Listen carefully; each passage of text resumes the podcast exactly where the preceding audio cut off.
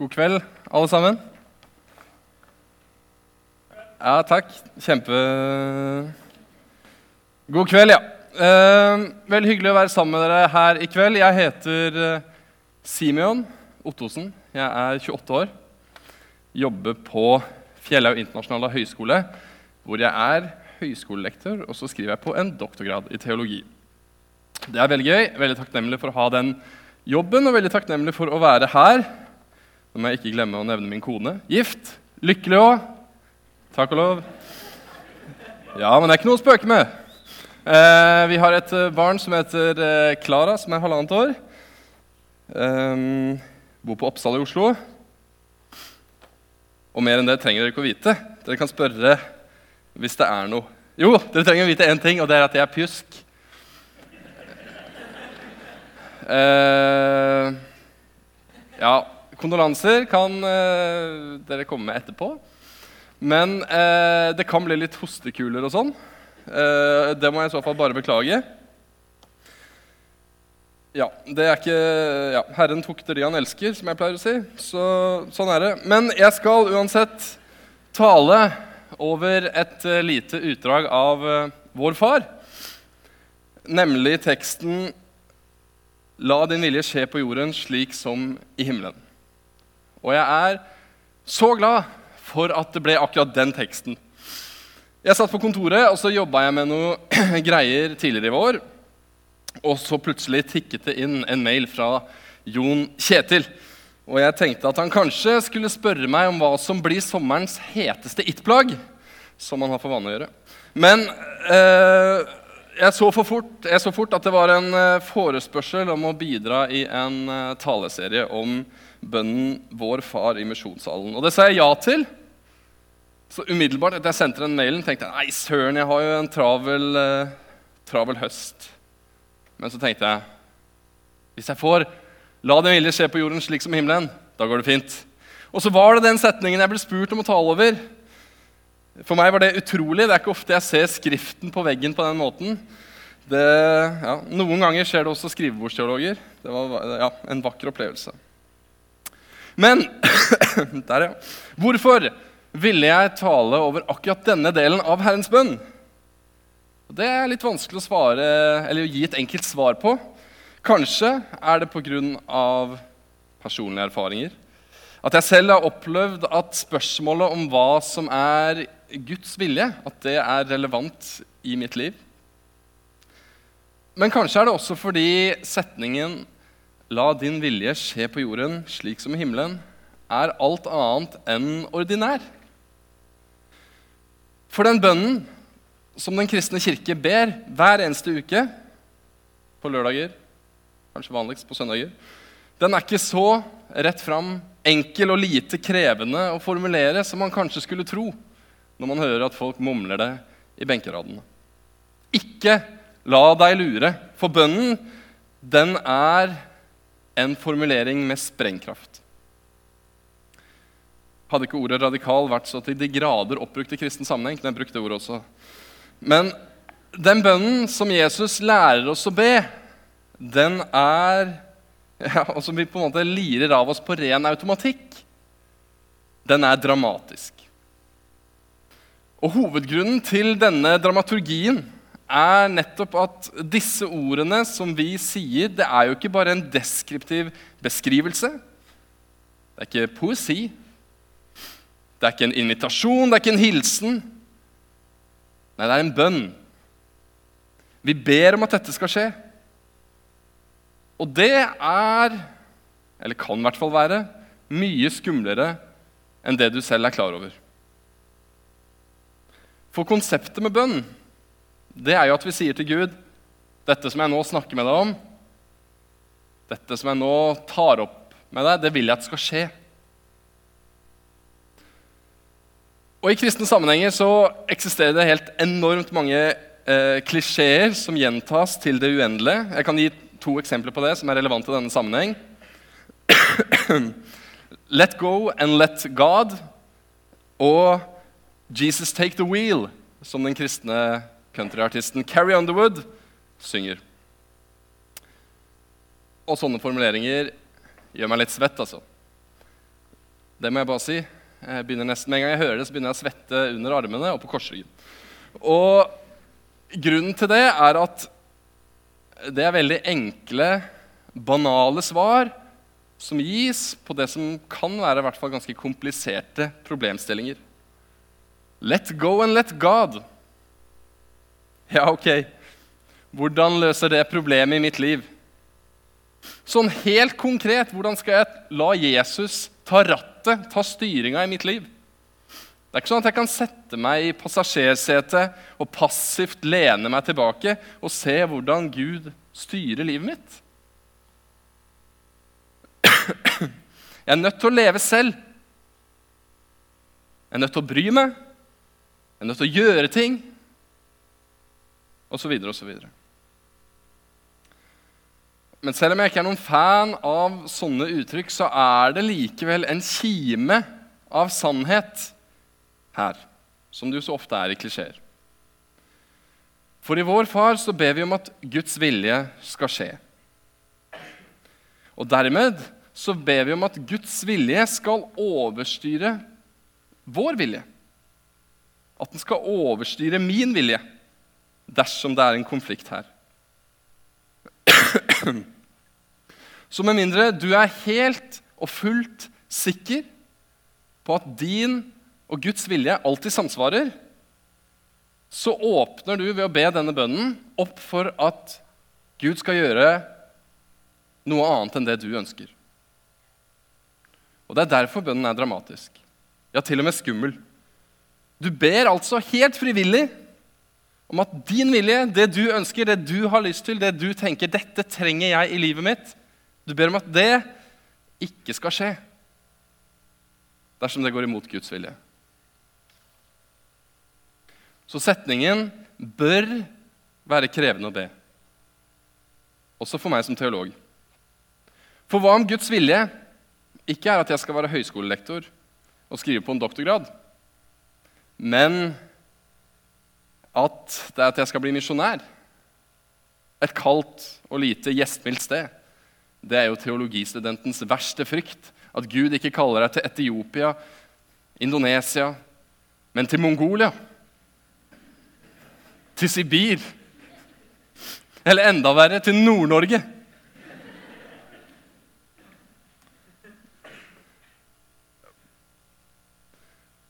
Poenget mitt er at det å be om at Guds vilje skal skje, det betyr også at man ber om at min vilje, din egen vilje, ikke skal skje.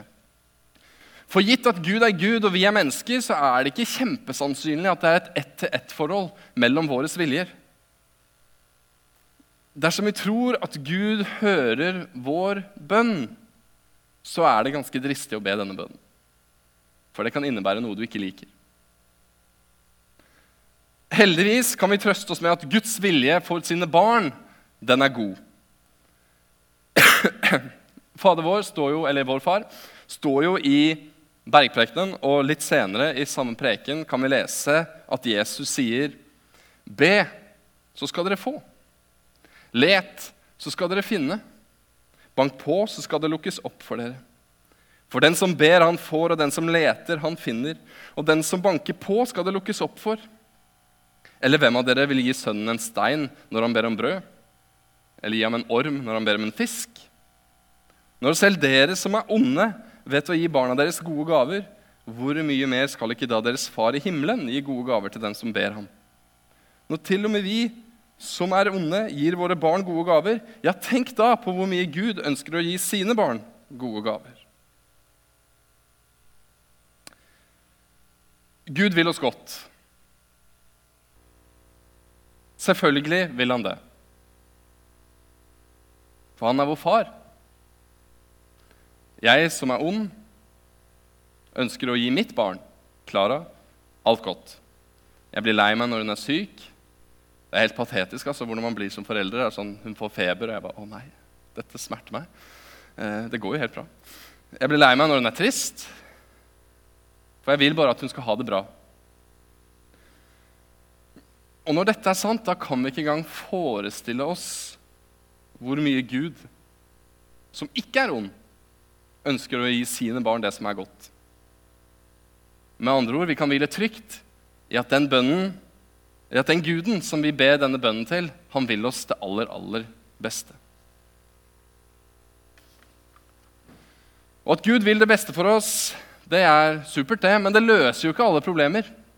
For selv om vi kan forsone oss med at Guds, og ikke nødvendigvis min, vilje må skje, så er det jo fortsatt flere spørsmål som står ubesvart.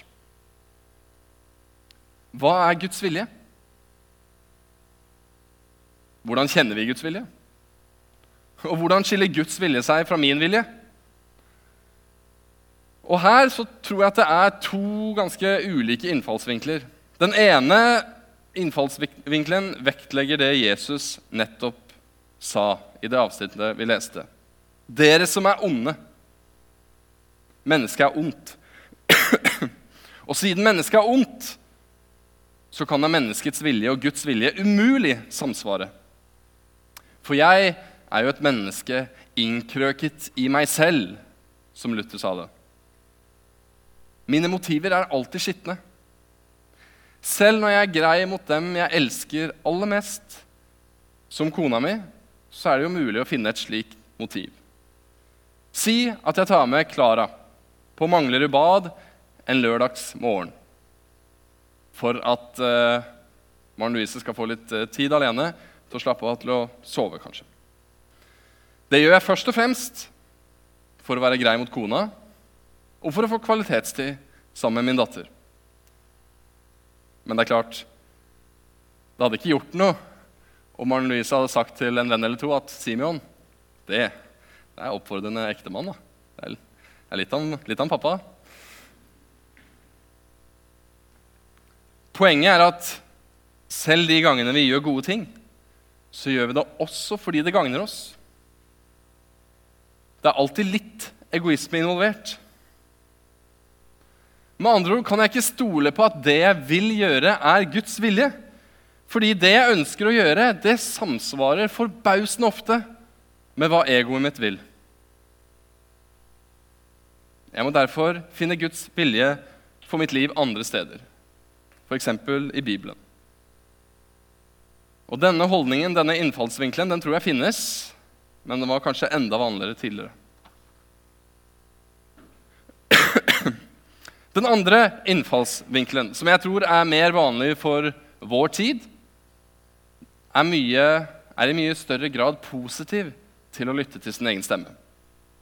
Ikke fordi man tenker at mennesket og Guds vilje alltid samsvarer, men fordi man som kristen skal lytte til Gud. Og hvis jeg erfarer at det er noe jeg bør gjøre, hvis jeg føler at dette er noe jeg skal, at det er noe jeg har lyst til, så kan jeg ta det som et tegn fra Gud.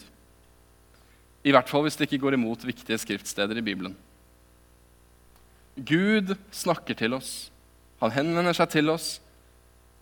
Ikke sånn helt konkret nødvendigvis, at du faktisk hører Guds stemme, men kanskje får du ro for et valg. Kanskje får du plutselig veldig lyst på en jobb. Litt ut av det blå. Og du føler at det er Gud som kaller på deg. Jeg mener at en slik innfallsvinkel også støter på noen problemer. For Jesus sier i Markusevangeliet at for innenfra fra menneskehjertet kommer de onde tankene. Hor, tyveri, mord, ekteskapsbrudd, grådighet, ondskap, svik, utskeielser, misunnelige øyne, spott, hovmod, vettløshet. Passer ypperlig å ta en pause der.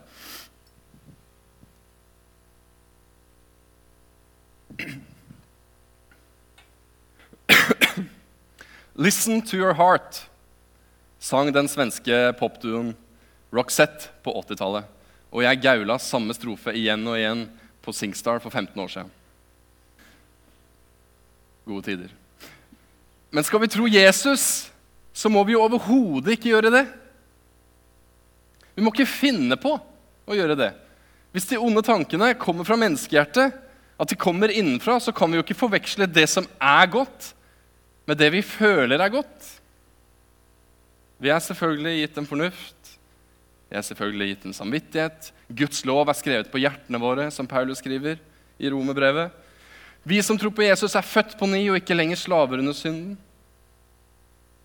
Men likevel kommer vi ikke unna at Jesus sier at det kommer fæle ting fra menneskehjertet selv. Og da må vi jo tro, tenker jeg, at vi noen ganger forveksler det som er bra, med det som passer oss bra. Så hvilken innfallsvinkel skal vi velge av disse to som jeg nå har presentert? Jeg tror begge kommer til kort på ulikt vis. Og Hovedgrunnen til det er at det er rett og slett vanskelig å vite hva som er Guds vilje for mitt liv.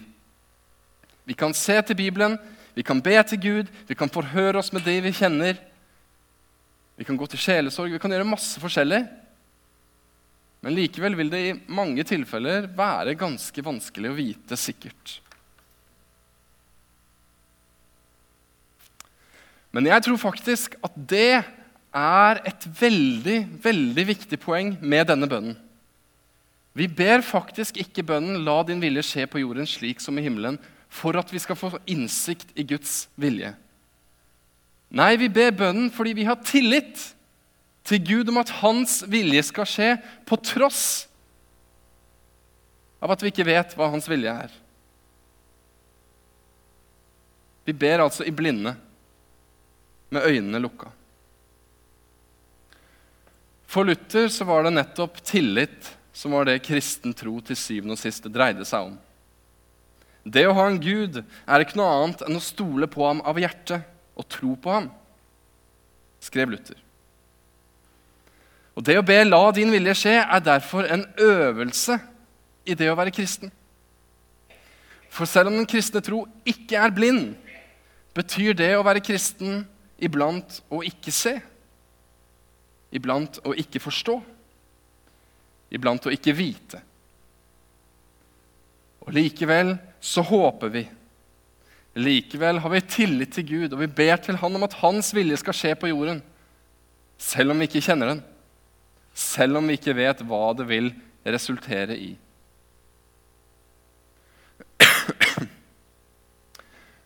Det å be 'la din vilje skje' blir derfor også et slags protestrop. For ved å be den bønnen så viser vi til oss selv, til Kirken og til samfunnet rundt oss at vi som har tillit til Jesus, vi er til syvende og sist ikke med på ideen om at det er jeget som skal råde. At det er mine ønsker, mine behov og mine begjær som skal dekkes. Og kanskje like viktig vi er heller ikke med på ideen om at det er jeg som skal ha kontroll.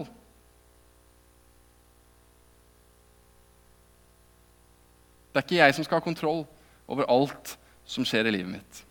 Den gir vi over til Gud. Det betyr ikke at vi kan slutte å ta vanskelige avgjørelser. Det betyr ikke at du skal slutte å be om å få innsikt i Guds vilje. Men ved å be denne bønnen så sier vi til oss selv og de rundt oss at det er ting vi ikke kan kontrollere. Det er ting vi ikke har makt over. Og alt dette legger vi over i hendene på Han som har skapt meg og deg, og som holder hele jorden oppe. Selv om 'la din vilje skje' på jorden slik som himmelen er en dramatisk bønn, er det derfor også en bønn som gjør at vi kan puste lettet ut. Jeg er faktisk ikke 'the master of my fate and the captain of my soul', som det heter i det berømte diktet Invictus. Og for mange av oss er det rett og slett et evangelium. For det å være altbestemmende prosjektleder, prosjektleder i eget liv, det legger et enormt ansvar over på mennesket for sin egen skjebne. Det legger et enormt ansvar over på deg og over på meg. Ok, Så hittil har jeg prøvd å understreke noen ting. Det er dramatisk å be om at Guds vilje skal skje. For Guds vilje samsvarer ikke nødvendigvis med vår. Heldigvis er Guds vilje god. Men vi vil ikke få full innsikt i hva som er Guds vilje. Vi vil iblant vandre i blinde. Det å be om at Guds vilje må skje, er derfor en bønn der vi praktiserer det å være kristen. Vi har tro, tillit til at Gud skal gjøre det som er det beste, at han vet best. Og vi gir derfor kontrollen over til ham, stikk i strid med hva vi ellers læres opp til her i verden.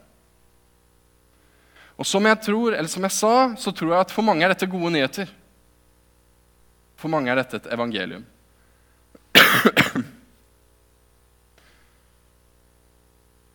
Men det som for noen kan være et evangelium, det er for andre beskjeden om at dommedag er rett rundt hjørnet. For la oss si at bønnen høres. Guds vilje skjer på jorden, slik som i himmelen. Hva da med alt det som skjer på jorden, som er i, i hvert fall tilsynelatende stikk i strid med hva Bibelen forteller oss om Guds vilje? Og ikke minst stikk i strid med hva Jesus sier, og hvem Jesus er? Er det da Guds vilje at Hamas skulle slakte små barn og babyer i Israel for bare noen uker siden? Er det Guds vilje at den palestinske befolkningen på Gazastripen, som har en gjennomsnittsalder på 16 år, skal dø i hopetall til tross for at det ikke har noe med den konflikten som skjer der nede? Eller for å bli litt personlig Var det Guds vilje at jeg ble kreftsyk da jeg var 19 år gammel? Var det Guds vilje at akkurat jeg skulle bli frisk, mens små barn og babyer dør av samme sykdom?